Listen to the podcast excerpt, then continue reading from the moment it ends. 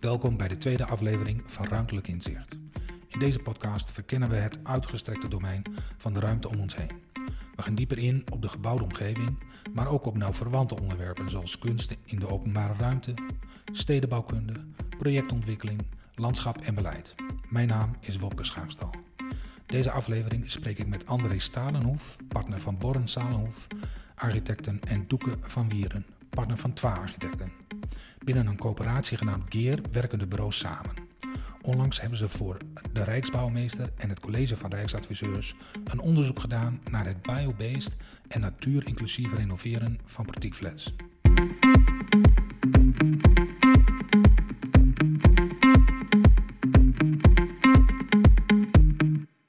André, jij bent partner van Boren Stalenhoef Architecten. Doeke is partner van Twa Architecten. Samen zitten jullie bureaus in een coöperatie met de naam Geer. Kun je daar iets meer over vertellen? Wij, ehm, wij zijn een, eh, in 2010 eh, als eh, een aantal Friese architectenbureaus bijeengekomen om, om te kijken wat, wat we zouden kunnen betekenen voor elkaar. Wij merkten daarvoor dat er soms grote aanbestedingstrajecten liepen in, in Friesland, waar onze individuele bureaus destijds eigenlijk niet voor in aanmerking kwamen. En hebben op dat moment gedacht, ook gestimuleerd door de overheid, om een uh, coöperatie op te richten, bestaande uit een aantal architectenbureaus met de gedachte dat je samen sterker bent dan alleen. Word je op basis van zo'n coöperatie dan uitgenodigd voor andere soorten opdrachten? Ja, en de bureaus hadden ook wel behoorlijke verschillende profielen. Dus dat wil zeggen ook verschillende ervaringen op uh, verschillende takken van sport. En, uh, of uh, ja, in de architectuur dan uiteraard. En ehm, dat dat versterkt elkaar. Doeke, we zitten vandaag bij elkaar omdat Geer een selectie heeft gewonnen en uitgevoerd van het College van Rijksadviseurs, waarbij Francesco Veenstra Rijksbouwmeester is. De selectie die Geer heeft gewonnen was om te onderzoeken hoe je portiekflats biobased en natuurinclusief kunt renoveren. Waarom hebben jullie meegedaan aan deze selectie? Ja, ik, uh, wij vonden het een erg interessante selectie. Eh, de onderwerp van die uh, selectie erg interessant omdat het ontzettend maatschappelijk relevant is. We zitten, iedereen weet dat we met een verduurzamingsopgave zitten. Uh, en dat, uh, dat is een maatschappelijke opgave. Daarnaast uh, speelt een uh, recent natuurlijk bij de verhoging van de energielasten, ten gevolge van de oorlog in Oekraïne, een plotselinge prijsverhoging van energie. Tenminste van fossiele energie. Ja, dat, en dat, dat trok de prijs van, van elektrische energie natuurlijk ook mee. Waarbij er ehm, ja, schrijnende toestanden ontstonden bij met name gezinnen in sociale huurwoningen. Hè, die, die over het algemeen wat minder goed geïsoleerd zijn, waar de, de energielasten hoog zijn. En ja, er waren tafereelen waar mensen met een kaarsje probeerden nog een beetje warm te blijven. Dus die, die maatschappelijke relevantie die, sprak ons aan. We, voelden ons erg geroepen om daar een oplossing voor te verzinnen. Kun je kort uitleggen wat het college van Rijksadviseurs is? Ja, er, er, zijn een aantal colleges. Hè. De Rijk heeft een aantal colleges die uh, adviseren. Uh, waaronder uh, de, het college van, de, van de Rijksbouwmeester, die, het Rijk adviseert op het gebied van allerlei zaken die met de bouw te maken hebben. Dus dan heb je ook eentje voor de landschap en eentje voor de infrastructuur, et cetera. Dus de Rijksbouwmeester maakt onderdeel uit van het CRA. Dit project gaat over biobased en natuurinclusief renoveren van portiekflats. Ik wil graag definiëren wat we verstaan onder biobased en natuurinclusief. Ja, ja, volgens mij is het, het is altijd een beetje lastig, maar uh, biobased is eigenlijk alles wat bestaat uit uh, gegroeide materialen. Dus dat zijn, uh, en dat zijn zowel plantaardige als dierlijke oorsprong. En dus je kunt zeggen van wol, wat van schapen komt, is eigenlijk ook biobased. Ja. en alles wat ooit gegroeid is, het meest bekende bouwmateriaal wat gegroeid is, is natuurlijk hout. maar tegenwoordig ook erg Um, uh, veel toegepast, of uh, dat, dat wordt steeds meer toegepast, zijn in, in isolatiematerialen, is bijvoorbeeld hennep, uh, maar ook bijvoorbeeld een andere grassoort is bamboe. Dat is wat je verstaat onder biobased. Ze hebben een, een biomaterialen, hebben een gegroeide oorsprong. Dus als je het hebt over uh, het uh, hergebruik van materialen, dan heb je eigenlijk twee kringlopen. Dat zijn de natuurlijke kringlopen, waar je het over hebt, de gegroeide materialen. In principe uh, zou je net zoals bomen die op een gegeven moment vergaan en, en uh, verrotten en weer een voedingsbodem worden voor andere organismen, schimmels en zo, waardoor je er weer opnieuw weer bomen kunnen groeien. Heb je, heb je daarnaast ook een kringloop die, die anorganisch is, dus alle technische bouwmaterialen. En het idee daarvan is, is dat er, dan wordt het echt over circulariteit, heb je het dan, hè? over hergebruik van, van producten en materialen in de bouw die niet organisch zijn. Meestal is het zo dat de bouwmaterialen die we aan gevels gebruiken, dat we die willen verduurzamen. want het, je wilt natuurlijk ook geen materiaal toepassen wat net zoals in de natuur uh, uh, verrot onder je vingers. Dus dat wil je echt letterlijk duurzaam maken. Dus er zijn allerlei, methodes om biobased materialen te verduurzamen, van verven eh, tot, uh, tot gif bewerken, tot, tot thermisch modificeren. En uh, dat betekent vaak dat na die behandelingen die biobased materialen niet meer biodegradable zijn. Dat wil zeggen dat ze dus niet meer teruggaan in de biologische kringloop. Zijn ze dan giftig? Nou, dat kan bijvoorbeeld damwal hebben we uh, met wolmaanzouten behandeld bijvoorbeeld. Nou, dat moet, je, moet je absoluut laten, want dat is puur gif. En dus zodra dat in de omgeving of de natuur terechtkomt, dan uh, is het dodelijk voor allerlei organismen. Um, maar er zijn natuurlijk ook wel materialen die je niet hoeft te behandelen. Bijvoorbeeld als je larixhout neemt of western red cedar, wat we bij de watercampus hebben toegepast, dan kun je in principe onbehandeld toepassen. Hetzelfde geldt voor uh, riet, veel gebruikt dakdekkingmateriaal, tenminste ooit, traditioneel, agrarische gebouwen. maar dat zou je best wel weer kunnen opwaarderen. Dus dat is een, voorbeeld van een biobased materiaal wat, wat je onbehandeld kunt toepassen de grootste opgave die we met, elkaar hebben is het terug, terugdringen van de CO2-uitstoot. Dus dat is het belangrijkste broeikasgas, er zijn er wel meerdere. Omdat dat gewoon wetenschappelijk is aangetoond dat daarmee die klimaatverandering wordt veroorzaakt. Nou, dat doe je op vier manieren. En die vier manieren die hebben we allemaal in ons plan zitten. De ene is om, om veel meer groen toe te passen. We weten dat groen via fotosynthese CO2 omzet in zuurstof. het ene moeten we kwijt en het andere hebben we nodig. Dat doen we in onze uh, omgeving, in ons plan doen we dat veel. Hè? We passen veel meer groen toe. Uh, tweede is om het gebruik van fossiele brandstoffen te, te vermijden. Hè? Geen gas meer, uh, dus geen fossiele brandstoffen doen we ook. Hè? We hebben all-electric installaties die bovendien de hoeveelheid energie die we verbruiken ook nog verminderen. Dus sommige elektrische uh, energie wordt natuurlijk nog wel fossiel opgewekt moeten we natuurlijk ook zien te voorkomen. Dus proberen in ieder geval alle energie die we nodig hebben, dus de derde, om die zelf op te wekken.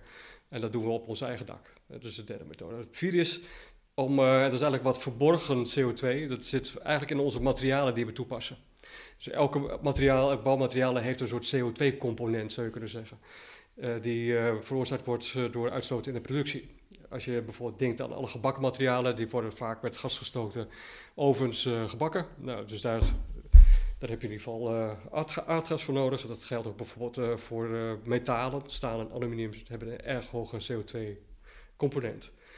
In tegenstelling tot die materialen hebben alle biobased materialen ooit in hun leven, denk even aan een boom, CO2 opgenomen. In feite heb je die CO2 opgeslagen dan vervolgens in je bouwmaterialen. En als je die bouwmaterialen gebruikt, opgeslagen in je gebouwen. Dat noem je CO2 capture. Dus je, aan de ene kant sla je CO2 op, maar je verdrijft in feite ook een ander materiaal of constructie waar juist veel CO2 bij vrijkomt. Bijvoorbeeld uh, bij uh, cementgebonden uh, producten zoals beton of staal met een hoge CO2. Daarmee hebben we de achtergrond en de biobased materialen besproken. Kun je ook nog definiëren wat we verstaan onder natuur inclusief? Ja, nou wat de exacte definitie is, durf ik niet zo te zeggen, maar wat wel in ieder geval wat we mee beogen, is dat we de, de leef- en broedomstandigheden voor allerlei beesten en planten, hè, dus organisch leven, willen verbeteren. Um, dat gaat van klein organisch leven, zeg maar uh, insecten, uh, tot, uh, tot wat grotere, bijvoorbeeld zoogdieren, er zijn ook zoogdieren die je liever niet hebt. Je wilt liever geen ratten bijvoorbeeld in de buurt. Maar, goed. maar egeltjes wel en vogeltjes natuurlijk ook. En dat betekent dat je, en als je daar ook eh, broedmogelijkheden wil hebben, dat betekent ook dat je, dat je bossages moet maken. En dat betekent ook dat je, dat, iets, dat zegt iets over bijvoorbeeld het vernatten van de omgeving. Op dit moment zijn eigenlijk de omgevingen van gebouwen, en zeker van de porticetageflats waar we het over hebben, zijn vrij schraal. André zei altijd even, het zijn eigenlijk grasveldjes Ehm, met, als je mazzel hebt, af en toe een boom erin. en de, de, de, case overigens waar we in Drachten mee voorstellen voor hebben gedaan, dat is wel een gunstige uitzondering, vind ik, op de regel, omdat er een paar prachtige volwassen bomen staan. Maar over het algemeen ja, is dat een soort groene woestenij, zou je bijna zeggen. Dus eigenlijk zou je willen dat het geaccidenteerder is, dat je droge en natte plekken krijgt, waardoor je meerdere uh, mogelijkheden hebt voor verschillende soorten planten. Zodat je diversiteit krijgt. Dus uh, naast het duurzaamheidsaspect dat we te veel CO2 uitstoten um, en daardoor klimaatveranderingen krijgen, is het zo dat, we de, dat de biodiversiteit in Nederland hardhollend achteruit gaat. En uh, nou ja, de, de, de, de, grote angst is dat het bijvoorbeeld uh, allerlei fundamentele diersoorten, plantsoorten uh, de nek omdoet. Bijvoorbeeld bijen, waardoor de bevruchting van, van ons bijvoorbeeld fruitbomen in gevaar komt. Nou, dat, daarmee hebben we onszelf direct te pakken. André, het onderzoek was gesplitst in twee delen. Er was een onderzoek naar de generieke portiekflat in Nederland en een pilotproject van een portiekflat in Drachten. Kun je uitleggen wat jullie onderzocht hebben ten aanzien van de generieke portiekflat in Nederland? Ja, de, de vraag ging eigenlijk vooral om renoveren. Hè? Dus uh, in principe ga je uit van uh, bestaande uh, gebouwen en gebouwencomplexen. en in dit geval specifiek om portiekflats. En um, ja, wat, er, wat daar goed aan is, denk ik, is dat, is dat we proberen met z'n allen ook een rem te zetten op, op de sloop. Um, eigenlijk is het uh, ja, naar onze inzichten op dit moment nauwelijks nog verantwoord om gebouwen af te breken. Daar, moet, daar moeten wel echt uh, behoorlijk. Het gebeurt veel te veel nog steeds. Ja, het gebeurt nog steeds veel te veel. Dat komt ook omdat er natuurlijk uh, in het verleden heel specifiek voor bepaalde doelen is gebouwd. En bij wijze van spreken bij de portiek etageflats zie je dat er kwalitatief soms ook matig is gebouwd. En, um, en heel uniform. En uh, dus, dus zeg maar de, de, de hele specifieke uh, uh, wijk met portiekflats, zoals je ze nou, in Noord-Nederland ziet, maar ze staan ook heel veel, of stonden heel veel in Amsterdam-West bijvoorbeeld, of in, in Rotterdam, in de, in de grotere steden. En um, het, het, is een, het is een vrij kale manier van wonen met beperkt comfort. Wat is typisch aan een portiekflat, waardoor het anders is als bijvoorbeeld een galerijflat of een appartementengebouw? Um, nou, de portiekflat uh, kenmerkt zich doordat uh, zeg maar alle vloeren ontsloten zijn via een trappenhuis. Um, en dat trappenhuis, uh, daarmee bereik je ehm, hoog gelegen verdiepingen. Vaak twee woningen op één trapbordes gekoppeld of aangesloten.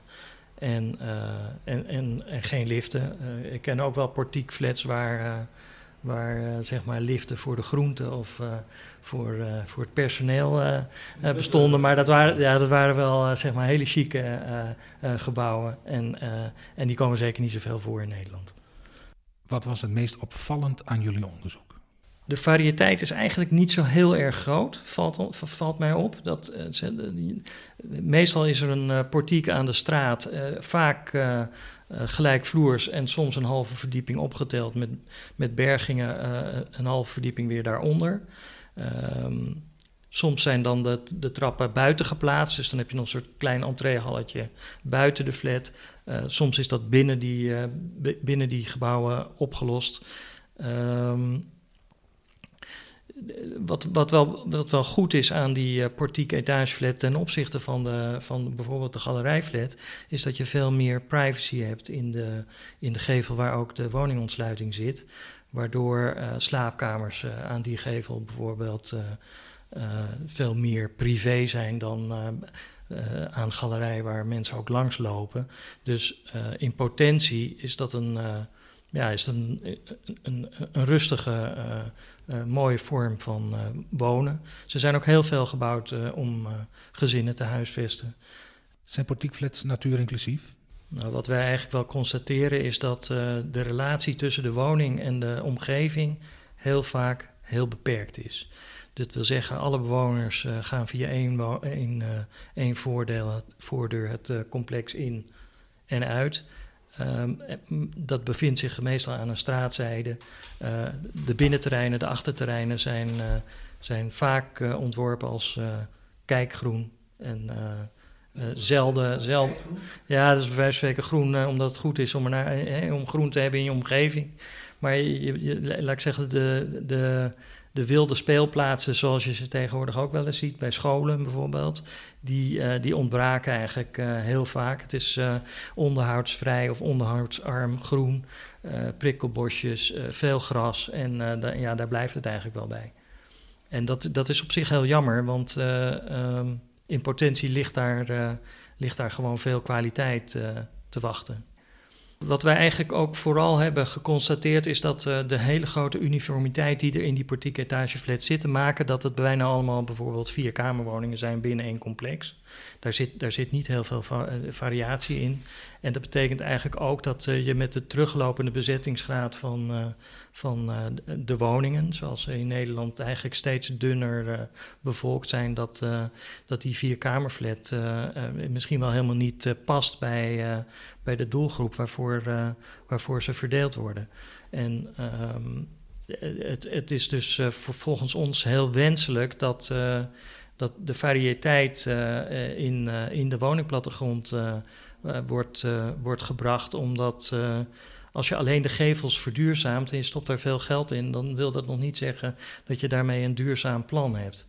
En, en dat is eigenlijk natuurlijk uiteindelijk wel het doel. Stel je daarbij voor om kleinere woningen en grotere woningen naast elkaar te maken? Ja, dus eh, de, wat, je, wat, wat we wel geleerd hebben vanuit uh, hele grote exercities die, die gedaan zijn door Far West bijvoorbeeld in Amsterdam, waar hele grote delen van de stad gesloopt en vernieuwd zijn, is dat de variëteit aan, aan gezinsgrootte, aan het behoeftes om samen te wonen tussen generaties, maar de algemene trend dat dat, de, ja, dat we met 1,25 persoon per woning wonen, dat, dat, dat die wel doorzet.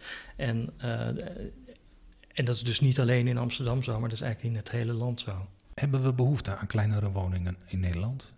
Ja, kijk, dat, ik, ik denk niet dat. Ik denk dat de, de, de sociale huisvesters daar in feite natuurlijk eigenlijk over gaan. Over wat, wat ook betaalbaar is voor de beurs van de mensen die daar, die daar wonen. Maar um, ik denk wel dat, uh, dat de dat die behoefte van, of dat zeg maar die markt, om het dan maar zo te stellen, van uh, die 1,25 personen, dat die niet aansluit bij die vierkamerwoning.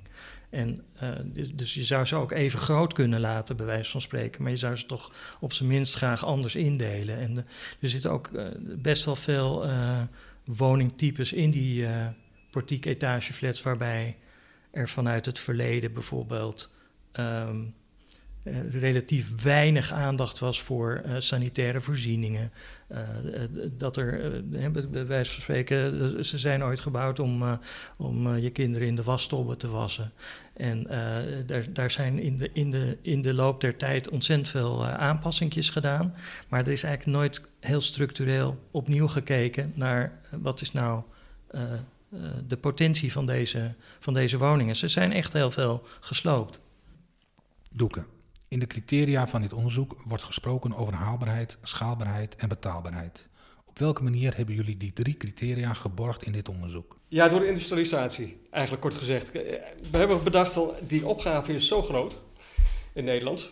En ook voor de case waar we het over hebben, is ook al eh, behoorlijk groot. Het ging eh, in eerste instantie om één flatgebouw van 12 woningen, maar er zijn er 17 van. Dus dat gaat om een vrij grote opgave. Nou, uh, we hebben op dit moment al een behoorlijk tekort aan handjes, zeg maar. De, de uitvoerende capaciteiten om, om de bouwopgave uh, ter hand te nemen. Dan hebben we het over de nieuwbouwopgave. Maar dat geldt ook zeker voor de renovatieopgave. Dus de, wij zagen het niet zitten dat je bij al die uh, portiek etageflats die je wil gaan renoveren, dat daar een busje voor de deur komt en dat, die, dat je met laddertjes omhoog gaat om ergens een, of een stijgertje eromheen om een, om kozijn te vervangen.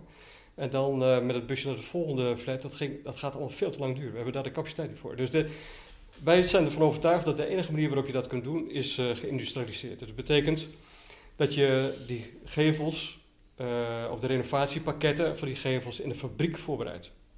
Grote mate van prefabricatie. En dat je voorzieningen treft aan die bestaande gevels, zodat je die gevelelementen eh, op een hele snelle methode voor die bestaande gevels kunt hangen. Wellicht nog het buitenspouwblad eerst verwijderen, maar dan vervolgens de nieuwe gevel ervoor te hangen. Met minimaal uh, overlast voor de bewoners.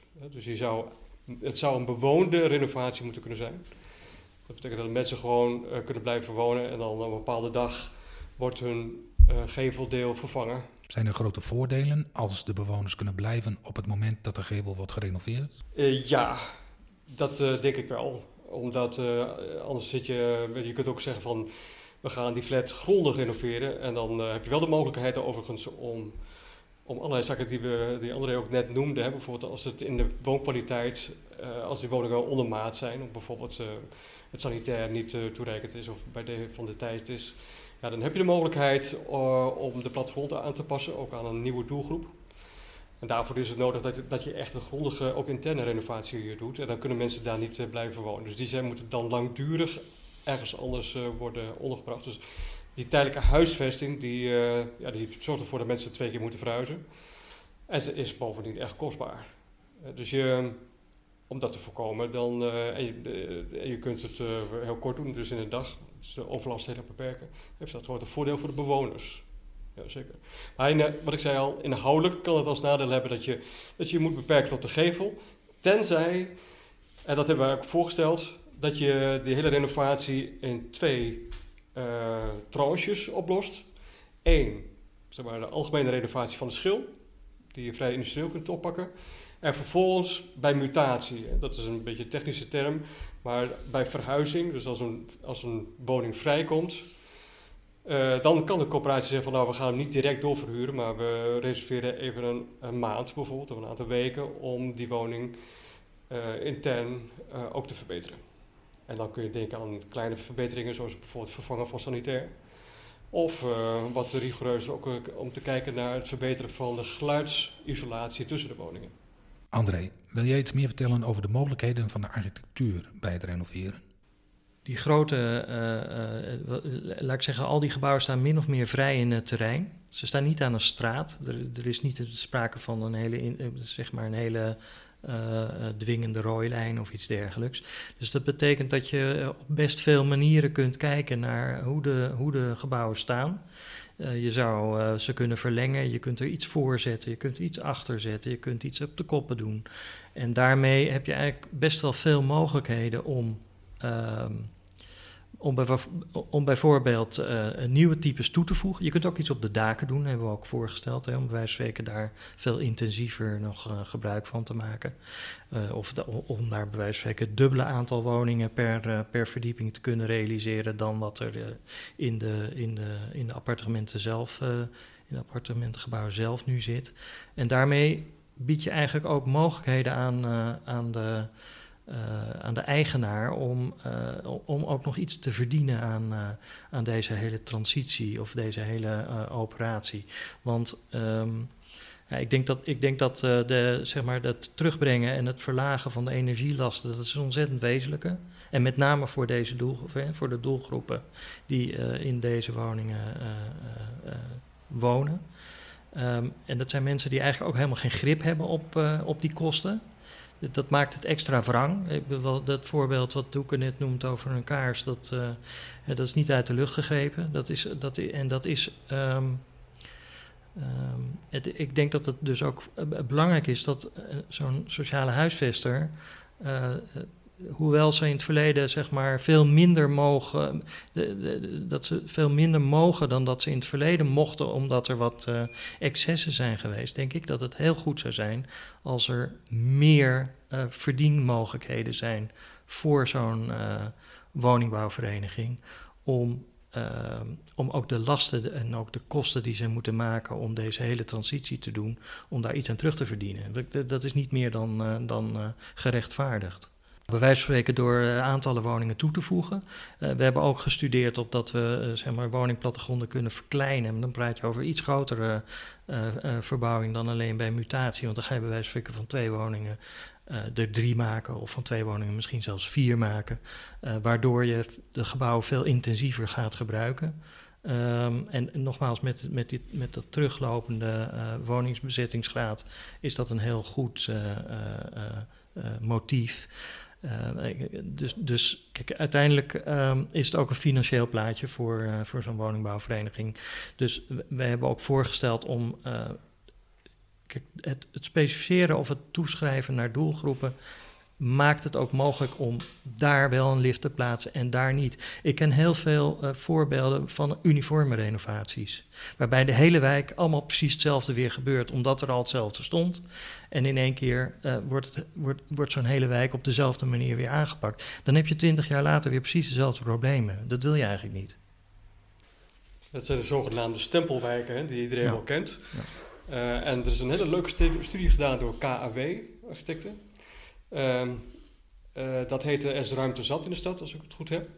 Dat heeft een onderzoek gedaan na die stempelwijken en geconcludeerd dat er inderdaad heel veel uh, lucht in zit. Dat heeft natuurlijk ook een uh, ruimtelijk voordeel, maar het geeft ook als voordeel dat er gewoon nog bebouwingsmogelijkheden zitten, vaak in het verlengde van flats of op de hoeken. dus dat je kunt verdichten. Dus verdichten kun je door op te toppen, dus woningen op het dak te maken, maar je kunt ook horizontaal verdichten door door, de, uh, door de, het ruimte op het maaiveld wat er nog is te benutten om, uh, om gebouwen uit te breiden. En dat geeft je ook de mogelijkheid om, om meerdere woonprogramma's toe te voegen, te differentiëren. Maar je kunt ook naast woonprogramma's ook andere programma's toevoegen die veel stedelijker zijn. Je kunt aan buurtvoorzieningen denken, hè, diensten. Waardoor je, en dat is een ander aspect van dat modernisme uit die tijd, waarbij functies gescheiden zijn dat je tegenovergestelde doet, dat je mixed use, hè, noem je dat dan, uh, krijgt, waarbij je dus weer uh, een stedelijke mix van functies krijgt. En die woongebieden veel minder uniform worden en uh, unifunctioneel. dus dat ze eigenlijk veel levendiger ook beloven te worden. En daardoor in principe veel prettiger zijn om te, om te wonen in die wijken. Jullie hebben een keuzematrix ontwikkeld als voorstel voor een andere manier van organisatie. Hoe werkt dat? En wij kunnen ons niet voorstellen dat je die hele renovatieopgave, dat je dat op een traditionele manier oppakt, maar juist op een industriële manier. En de industriële manier, dat zegt iets over de manier van produceren en uitvoeren. Dat je doet het grotendeels in de fabriek. En, uh, en uh, uh, op afstand en monteert dat vervolgens ter plekke in plaats van dat je ter plaatse gaat bouwen. Maar het betekent niet alleen iets voor het uitvoeringsproces, het betekent ook iets voor het, het voorbereidingsproces. Wat je doet, het ontwerp maken, het, het ontwerp technisch uitwerken, dus engineeren. Uh, en vervolgens het aansturen van de productie, wellicht met, uh, met een digitaal model. Dat is een beetje technisch. Uh, maar dat, dat is wat op dit moment vrij gangbaar is in de, in de bouwvoorbereiding. dus dat je een digitaal, een soort, soort maquette in de computer maakt, bij wijze van spreken. En het voordeel daarvan weer is is dat je die, uh, dat ruimtelijk model ook kunt beïnvloeden of laten beïnvloeden door de eindgebruiker. Dat kan de, de bewoner zijn, maar dat kan ook de eigenaar zijn van, hè, in dit geval bijvoorbeeld een coöperatie. Dus zo'n co coöperatie kan in zo'n model bijvoorbeeld aangeven van, uh, ja, ik wil dat, um, dat uh, de isolatiewaarde van die gevels die en die waarde krijgen. Of bijvoorbeeld, ja, het is een monument, dit complex, we willen eigenlijk helemaal niet dat er iets gebeurt aan die buitengevels vanwege de monumentale waarde. Uh, nou ja, zo kun je je voorstellen dat je een aantal keuzes uh, overlaat aan uh, eindgebruikers of, of, eigenaren van de complexen. Ehm, en die kunnen die keuzes digitaal aangeven. Beetje vergelijkbaar met wat iedereen wel kent vanuit de configurator. Wanneer je een auto wil bestellen. dus wil je een open dakje of niet, of wil je die in die kleur of een bepaald soort velgen. Nou, dat soort keuze kun je dus dan ook al kenbaar maken via een digitaal model. Er was sprake van een pilotproject, aangedragen door Accolade. Wat is voor die portiekflat het advies geworden ten aanzien van de renovatie? Ons advies is toch om die gevel rigoureus te gaan aanpakken. Er zijn wat bouwkundige problemen bij die flats die, eh, die Accolade als eh, testcase eh, of als case heeft aangedragen. Dus ooit zijn die gevels gekeind en dat keimwerk dat, dat plattert eraf. Dus daar moet je iets mee. Uh, maar wij hebben gezegd, ja, dat is, uh, je zou tegelijkertijd moet je de gelegenheid te baat nemen om die gevel kwalitatief te upgraden. Dus een veel hogere isolatiewaarde te maken dan uh, wat ze nu hebben. wellicht zelfs zo hoog dat, dat daarmee de energielast zo laag kan worden dat je een hele kleine installatie kunt gebruiken. Zo'n zo compacte installatie heet dat. Een klein lucht-luchtwarmtepompje, dus een heel beperkte installatie die bovendien uh, ook heel weinig onderhoud vergt, dus voor een coöperatie heel gunstig. En nauwelijks verbruikslasten heeft. Um, dat is bijna een soort passief huisrenovatie, zou je kunnen zeggen. Uh, dat betekent dat de energievraag dan zo laag wordt. We laten uitrekenen dat je met drie paneeltjes per woning op het dak, dat je je gebouwgerelateerde energie kunt op, opwekken zelf op het, op het eigen dak. En leg je er nog één paneeltje bij, dan kun je ook de bewonersgerelateerde energie opwekken. dus, nou ja, voor de ene is bijvoorbeeld, gaat alleen om verwarming en koeling en ventilatie van het gebouw. En uh, bij de tweede heb je dus ook je koelkast uh, en, en, je lampen die je aan hebt en de tv en alle elektrische apparaten die je zelf hebt. Dus de energie die je daarvoor nodig hebt, heb je dan ook opgewekt. Dus in, in principe heb je dan een, een nul op de meter of misschien zelfs wel plus op de meter woning. Dus mensen, in plaats van dat mensen nu zich blauw betalen aan hun elektriciteitsrekening, krijgen ze dan geld terug. Dat is mogelijk. Jullie hebben net advies gegeven om direct te isoleren op het niveau van een passief huis. Waarom zo'n grote stap en niet bijvoorbeeld eerst label B? Uh, nou ja, kijk, je moet je. We hebben dat nog niet helemaal scherp in beeld, want dat vergt toch een behoorlijk uh, uitgebreide exercitie. Maar je kunt eigenlijk de, de uh, kosten, de financiële lasten die aan gebouwen kleven, eigenlijk in vier, vier verschillende kostensoorten onderverdelen. Je hebt natuurlijk de initiële kosten, de bouwkosten die je moet maken om sowieso die, re die renovatie uit te voeren. Ehm, daarnaast heb je de, de onderhoudskosten. Dat zijn de onderhoudskosten die voor de gebouweigenaren zijn. Dus in dit geval de coöperatie, die moet natuurlijk uh, geregeld de, bijvoorbeeld de elektrische of de, de, de, de, gebouwinstallaties onderhouden. En delen vervangen, dus dat zijn de normale beheerkosten. Uh, en dan heb je ook nog de restwaarde van uh, gebouwen. Dus dan heb je het eigenlijk over een soort vastgoedwaarde uh, over de tijd. En eigenlijk zijn dat, is dat de total cost of ownership. Maar, alle kostenaspecten die bij het eigendom van het gebouw horen. En daarnaast heb je nog een vierde kostensoort. En dat is eigenlijk een kostensoort die de gebruiker heeft. En bij corporaties is het zo dat dat niet dat dat een andere is. Dat zijn de huurders van de gebouweigenaren. Ja, dat is altijd een beetje wrang. de, de, de gebouweigenaren die moeten uitgaven doen om juist die, die beheerkosten voor hun huurders heel erg te beperken. Ik vind dat, um, kijk, eh, sociale verhuurders, woningcoöperaties, die hebben een maatschappelijke taak. De taak om goede woningen aan te bieden voor mensen met een kleine beurs. Dat is één. Maar ze hebben daarnaast uh, ook de taak om woningen aan te. En dat, dat beheerst al, behelst meer dan alleen een ruime woning die goed bewoonbaar is. Maar dat betekent ook een woning waarbij de energielasten te dragen zijn. Dus dat, dat, daar hadden we het over. Dus dat vind ik een sociale taak van een sociale verhuurder. En je kunt ook zeggen van breder eigenlijk heeft het, uh, is het zo dat het zijn allemaal het zijn overheidstaken en ja, de overheid is ook gebonden aan andere afspraken, bijvoorbeeld de afspraken die zijn gemaakt in Parijs. om ervoor te zorgen dat wij de opwarming tot anderhalf graad beperken, tot 2050. En ja, ik vind eigenlijk dat de sociale verhuurders daar op aangesproken kunnen worden. dus als er sprake is van een verbouwingsactie, dat ze dat doen op een manier die het klimaat niet belasten.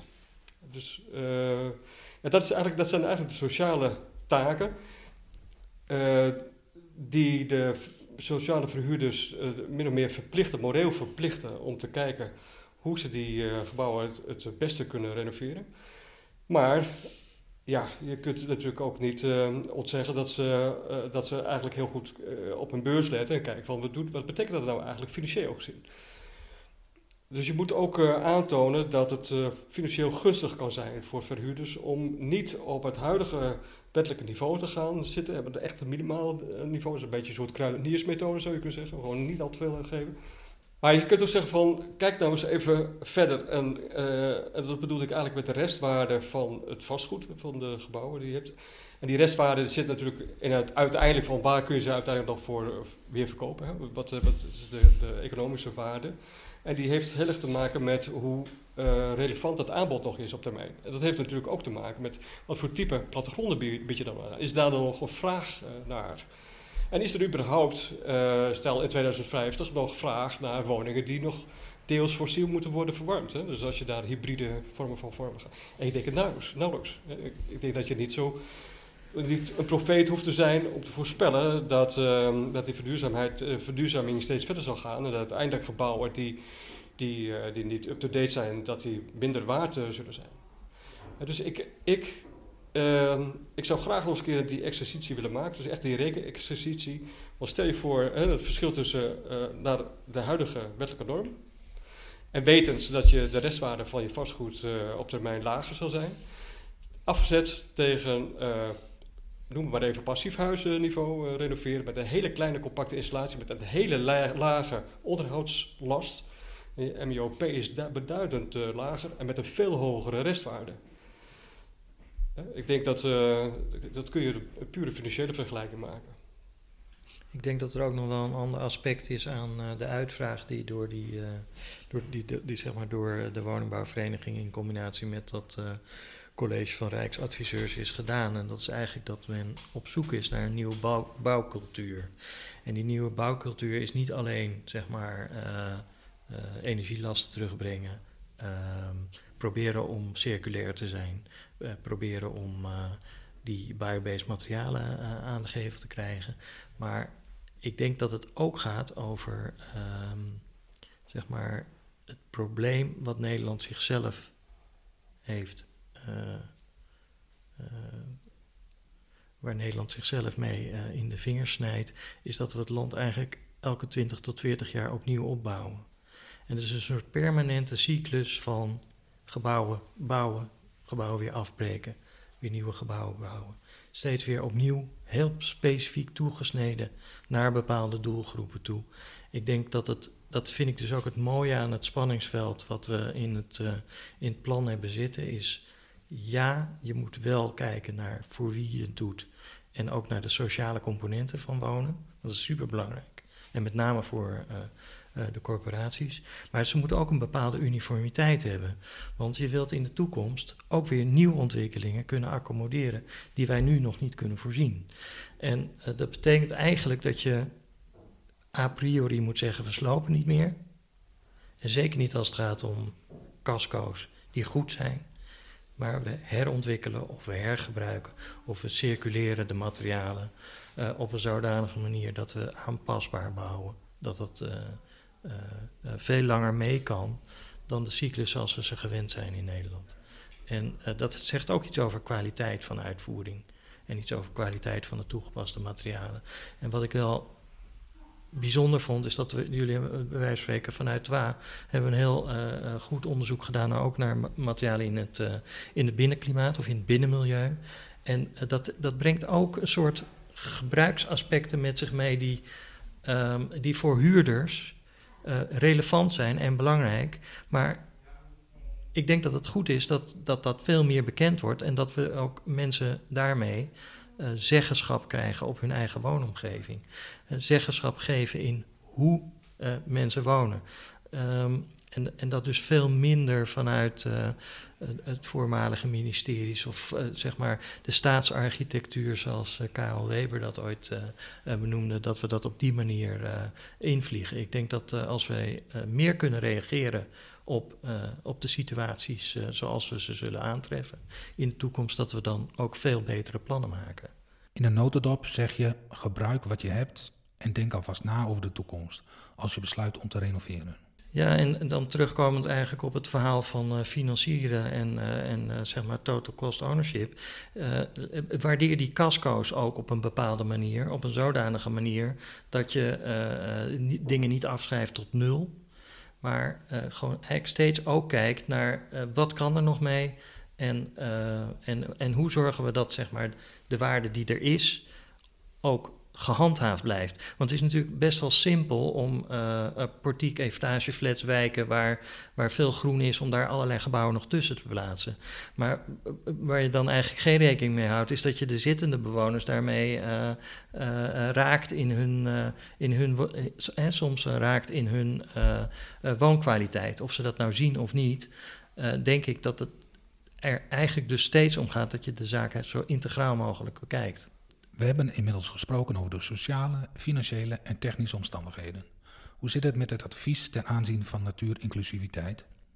Ja, laat ik zeggen, de, gebouwen zijn gebouwd ooit uh, uh, met een soort idealistische uh, industriële bouwmethode als, als oorsprong. Dat was in dit geval niet helemaal zo, want het is best wel traditioneel gebouwd. Maar vanuit de gedachte in die tijd wilde men eigenlijk vooral zo uniform mogelijke geïndustrialiseerde producten bouwen om, om daarmee eigenlijk maximaal ruimte te bieden aan uh, bewoners, om maximale kwaliteit uh, te bieden aan bewoners.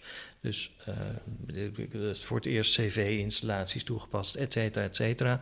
De, die industrialisatie van in der tijd, die past eigenlijk ook wel goed bij een soort modulaire industriële aanpak nu.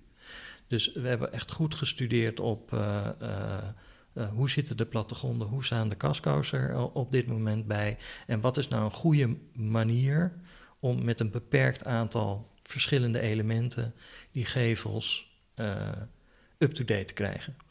En, uh, en misschien ook wel gewoon de kwaliteit van de woningen te verbeteren. Want op dit moment zitten er aan de noordzijde bijvoorbeeld balkons. Uh, ja, daar kan je een kratje bier op zetten. Ze zijn niet van een afmeting dat je daar echt heel veel meer uh, mee kunt. En dus we zochten naar een compacte schil. Dus dat wil zeggen eigenlijk zo, ja, zo kort mogelijke lengte om het gebouw heen. En een, een, zeg maar beperkt aantal elementen waaruit je, het, waaruit je de nieuwe gevels opbouwt. Um, en die worden dus ook niet zeg maar, door een mannetje met, met cementspecie en, en, en, en, veel massa en gewicht aangebracht. Um, in principe is het inderdaad afkomstig uit de fabriek. En dat, dat stelt natuurlijk ook eisen aan de materialen die je, uh, die je gebruikt. Ze moeten bestand zijn tegen uh, een stootje. Uh, dat geldt natuurlijk altijd. Ehm, je moet iets bedenken over hoe je voegen tussen elementen bijvoorbeeld oplost. om ervoor te zorgen dat je kleine oneffenheden in de achterconstructie of in, in je gevelbeeld, dat je dat op een goede manier eh, kunt detailleren. En daar, um, nou ja, daar, daar, daar hebben we eigenlijk bij wijze van spreken met name voor de voegen hebben we vooral gekeken naar hout. Omdat dat ja, relatief makkelijk te bewerken is en dat je daarmee ook, um, je kunt daar bij spreken schijn voegen, maar ook een soort schaduwelementen van een shadowbox, om het maar uh, een, een beetje architectuurnaam te geven. Dus er zit iets meer relief daardoor in de gevels dan op dit moment. En um, daardoor kun je in feite ook gewoon wel de architectuur van de gebouwen uh, veranderen. En dat, dat, is wel, dat was een soort nevenvraag van, van het college. En ik denk dat we wel geprobeerd hebben om daar een antwoord op te geven op die manier. Ja, we, we hebben, het is goed om even te noemen dat de Altenburg en Wieberga ons hebben geholpen en bij het adviseren op het gebied van natuurinclusiviteit. Dat zijn ecologen, dat zijn ecologen, we hebben een bureau in Veenwonen. Um, en in gesprekken met hun is me, heb, daar heb ik veel van geleerd, moet ik zeggen. Want kijk, over het algemeen, als het gaat om natuurinclusiviteit bij woningbouwopgaves, dan, uh, dan blijft het bij het obligate nestkastje voor een vleermuis uh, en, uh, en, een zwaluw. En dat zijn dus gebouwgerelateerde maatregelen. En als het gaat om gebouwomgevingsgerelateerde maatregelen, dus op wijkniveau, dan blijft het misschien bij een, bij een insectenhotel of iets dergelijks, maar veel meer wordt het niet. Uh, en dat is uh, ook allemaal um, one size fits all. Dus overal hebben we bijna dezelfde soort maatregelen. Nou, dat is eigenlijk heel raar, want uh, lang niet overal zijn, zijn dezelfde diersoorten uh, bedreigd. Bijvoorbeeld, wat bleek is dat onze, een hele normale diersoort die we vaak zien, de huismus, dat die enorm bedreigd is eigenlijk in heel veel gebieden. Dus dan moet je juist zorgen dat je daarvoor nestmogelijkheden maakt. Uh, en bijvoorbeeld, dat komt helemaal niet voor de zwaluw. Hè. Dus je moet veel preciezer kijken hoe zit het ecologisch systeem op uh, wijkniveau in elkaar. En vervolgens uh, bedenk je ook maatregelen juist voor die bedreigde diersoorten. En dan eigenlijk begin je dan op wijkniveau en kijk je of er ook een soort robuuste structuurmogelijkheid mogelijk is. Dus niet alleen op de wijken waar je mee bezig bent, maar is er verbinding mogelijk met wijken die grenzen aan de wijk. En in Drachten was dat het geval. Je had een waterstructuur aan de noord- en zuidkant, die grensde aan, eh, aan die hele strook met uh, flatgebouwen, waar een verbinding mee mogelijk was. En daardoor kreeg je een doorgaande waterstructuur en voor, voor, de, voor planten en dieren veel betere leefmogelijkheden. Dat gold ook voor de groen, groenstructuur en niet alleen voor water.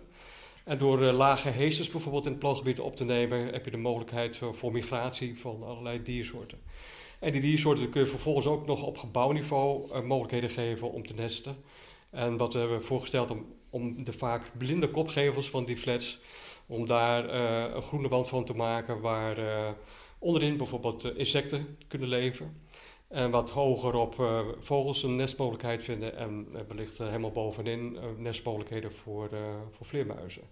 Dus daarmee maak je eigenlijk een, een, een robuuste bouwkundige voorziening voor, voor, ja, voor heel veel diersoorten en plantsoorten.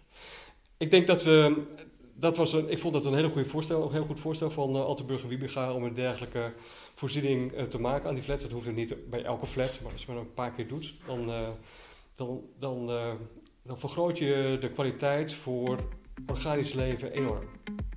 En dat is op veel plaatsen toe te passen. Dat was het voor deze aflevering. Heb je opmerkingen, ideeën of is er een andere reden voor contact? Mail ons op ruimtelijkinzichtpodcast.gmail.com. Alles aan elkaar vastgeschreven. Bedankt voor het luisteren. Tot de volgende keer.